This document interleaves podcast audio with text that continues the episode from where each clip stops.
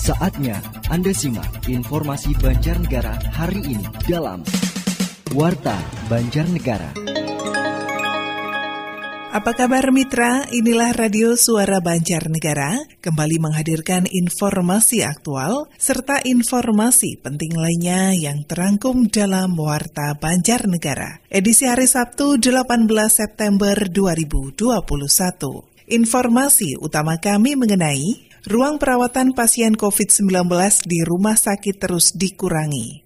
Jelang musim hujan, BPBD pantau daerah rawan bencana. Berita selengkapnya disampaikan oleh Sarasvati. Warta Banjarnegara. Mitra, Dinas Kesehatan Banjarnegara mulai mengurangi jumlah ruang isolasi untuk pasien COVID-19 di sejumlah rumah sakit. Langkah tersebut menyusul mulai menurunnya jumlah kasus COVID-19 dan BOR di ruang isolasi rumah sakit. Kepala Dinas Kesehatan Banjarnegara, Dr. Latifah Hesti Purwaning Tias mengatakan, dalam beberapa pekan ini jumlah kasus COVID-19 mulai turun. Data terakhir untuk BOR isolasi COVID sudah di bawah 10 persen dan BOR ICU sekitar 30 persen. Jumlahnya tersebut sudah di bawah ambang batas BOR sebesar 60 persen. Menurutnya, dengan kondisi tersebut pihaknya mempersilahkan kepada rumah sakit di Banjarnegara untuk mengurangi tempat perawatan pasien COVID-19 baik di ruang isolasi maupun ICU. Ruang tersebut selanjutnya bisa digunakan untuk perawatan pasien umum sebab rumah sakit membutuhkan ruang untuk pelayanan pasien non-COVID-19. Meski demikian, rumah sakit diimbau agar pengurangan kapasitas perawatan pasien COVID-19 dilakukan secara bertahap. Kalau bor saat ini berapa persen Bu? Bornya sudah di bawah 10 persen untuk bor isolasi, tapi bor ICU terakhir masih 30 persen. Tapi tidak apa-apa karena maksimal bor isolasi maupun bor ICU itu 60 persen. Kemudian nanti mungkin uh, semua rumah sakit step by step akan mengurangi berisolasi. Kenapa? Karena mereka juga butuh pasien umum. Pasien COVID sudah menurun, bed kosong, pasien umum memerlukan, saya bilang silahkan kurangi berisolasi tapi step by step. Ya. Sementara itu, Kabit Pelayanan Penunjang Medis Rumah Sakit Islam Banjarnegara, Dr. Masrurotu Darun menyatakan pihaknya sudah mengurangi kapasitas perawatan untuk pasien COVID-19. Saat ini, satu bangsal yang berisi 24 bed dan satu ruangan berisi 20 bed sudah mulai digunakan untuk melayani pasien umum. Menurutnya, jumlah pasien COVID-19 sudah menunjukkan penurunan sejak sebulan terakhir. Pihaknya menilai kondisi tersebut tidak lepas dari upaya percepatan vaksinasi yang dilakukan pemerintah, didukung berbagai lembaga serta kebijakan PPKM. Selain itu, juga tidak lepas dari kedisiplinan masyarakat dalam menerapkan protokol kesehatan. Warta Banjarnegara. Menjelang musim penghujan, Badan Penanggulangan Bencana Daerah Banjarnegara terus mengintensifkan pemantauan terhadap sejumlah kecamatan yang rawan bencana tanah longsor. Kepala BPBD Banjarnegara, Aris Sudaryanto mengatakan, lima kecamatan yang dinilai rawan menghadapi tanah longsor, yakni yang berada di Banjarnegara bagian utara. Karena itu, pihaknya meningkatkan kewaspadaan terhadap kemungkinan terjadinya bencana longsor di lima kecamatan yang memang terindikasi rawan longsor. BPBD Banjarnegara juga meminta masyarakat di wilayah rawan longsor untuk terus meningkatkan kewaspadaan. Masyarakat juga diminta agar tidak panik menghadapi peningkatan curah hujan, namun harus tetap waspada. Untuk tanah longsor ini kita ada di 75 persen wilayah Kabupaten Banjarnegara, khususnya di jalur atas, di jalur atas Kabupaten Banjarnegara. Jadi itu kewaspadaan kebencanaan di Kabupaten Banjarnegara mulai dari tanah longsor, angin puting beliung, banjir. Himbauan kami untuk warga agar mewaspadai karena di lingkungan mereka ini mengalami intensitas naiknya curah hujan sehingga menyebabkan longsor di sekitarnya. Maka untuk waspada, ketika ada retakan segera dirapatkan kembali dengan istilah, istilahnya dijojoh kembali untuk merapatkan rekan-rekan tersebut. Kepala Stasiun Geofisika Banjarnegara Setio Aji Prayudi juga mengingatkan warga untuk meningkatkan kewaspadaan terhadap kemungkinan terjadinya cuaca ekstrim terutama saat terjadi hujan dengan durasi yang cukup lama, karena dikhawatirkan memicu bencana khususnya bagi mereka yang tinggal di wilayah rawan longsor. Warta Banjarnegara.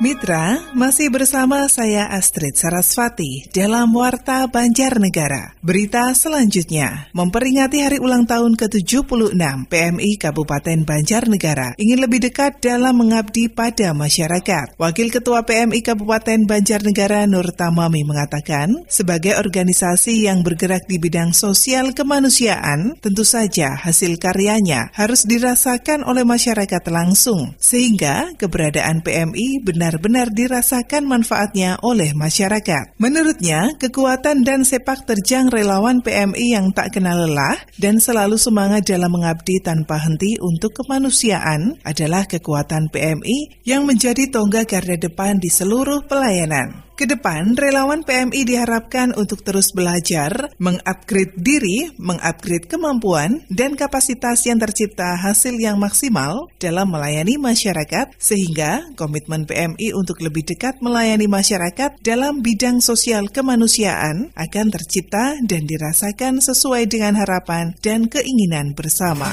Warta Banjarnegara. Dampak pandemi COVID-19 tidak sedikit para wirausaha yang mengalami penurunan pendapatan di masa pandemi saat ini. Agar tetap bisa bangkit di tengah pandemi, pemilik usaha kerajinan gerabah di Kecamatan Kelampok membuat terobosan usaha dengan membuat patung karakter bermasker yang justru laris di pasaran. Yanti, pemilik usaha kerajinan gerabah di desa Kelampok mengaku tidak mau terpuruk di tengah pandemik. Ia pun kini terus mencetak ratusan patung dari tanah liat, dijadikan bentuk patung karakter bermasker. Menurutnya, sejak mulai membuat patung bermasker dua pekan lalu, pesanan dari pembeli terus mengalir. Hingga para pekerja kewalahan melayani pesanan. Patung karakter bermasker dibuat dari kondisi keterpurukan akibat dampak serangan pandemi COVID-19.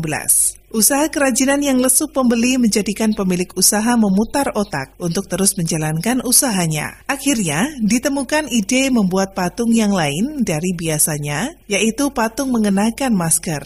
Dari awalnya yang hanya membuat puluhan patung, kini pemilik usaha kerajinan ini terus kebanjiran pesanan mencapai ratusan patung per hari. Pemasaran patung ini dilakukan dengan cara online serta memajang dagangannya di toko gerabah di Desa Kelampok. Yanti mengaku membuat patung bermasker dilakukan sebagai edukasi protokol kesehatan, juga sebagai upaya untuk terus menjalankan usahanya yang terpuruk dihantam pandemi COVID-19. Uh, apa boneka bermasker itu untuk mengedukasi kepada siapa pun, uh, baik itu anak-anak, orang tua bahwa bermasker itu perlu untuk kesehatan diri sendiri dan untuk kesehatan orang lain. Bukan pandemi. Iya, di saat pandemi eh, kita ada edukasinya, kita mendapatkan keuntungan dari eh, kreativitas kami. Menurutnya, satu buah patung bermasker dijual dengan harga Rp50.000. Kini ia mengaku lega sebab produk patung bermasker yang awalnya hanya coba-coba sekarang menjadi produk utama yang laris di pasaran. Warta Banjarnegara. Mitra, kami sampaikan berita yang terakhir. Berubahnya hari jadi Banjarnegara dari 22 Agustus 1831 menjadi 26 Februari 1571 berimplikasi terhadap berubahnya logo daerah. Pansus DPRD Banjarnegara pun mulai melakukan pembahasan hal tersebut. Ketua Pansus Agus Junaidi mengatakan, perubahan logo kabupaten menjadi otomatis dilakukan untuk menyesuaikan hari jadi Banjarnegara yang baru. Sementara itu, Ketua Masyarakat Sejarawan Indonesia Komisaris Banjarnegara Heni Purwono menganggap, sementara itu, Ketua Masyarakat Sejarawan Indonesia Komisariat Banjarnegara Heni Purwono menganggap perubahan ini jadi kesempatan kesempatan untuk menjadikan logo kabupaten sebagai alat penguat identitas Banjarnegara. Kepala Bidang SMP Dindikpora Banjarnegara Bambang Budi menyatakan, setuju logo diubah dan siap mensosialisasikan kepada masyarakat, utamanya peserta didik. Warta Banjarnegara. Demikian mitra Warta Banjarnegara kali ini. Akhirnya, mewakili kerabat kerja yang bertugas, saya Astrid Sarasvati mengucapkan terima kasih atas kebersamaannya dan sampai jumpa.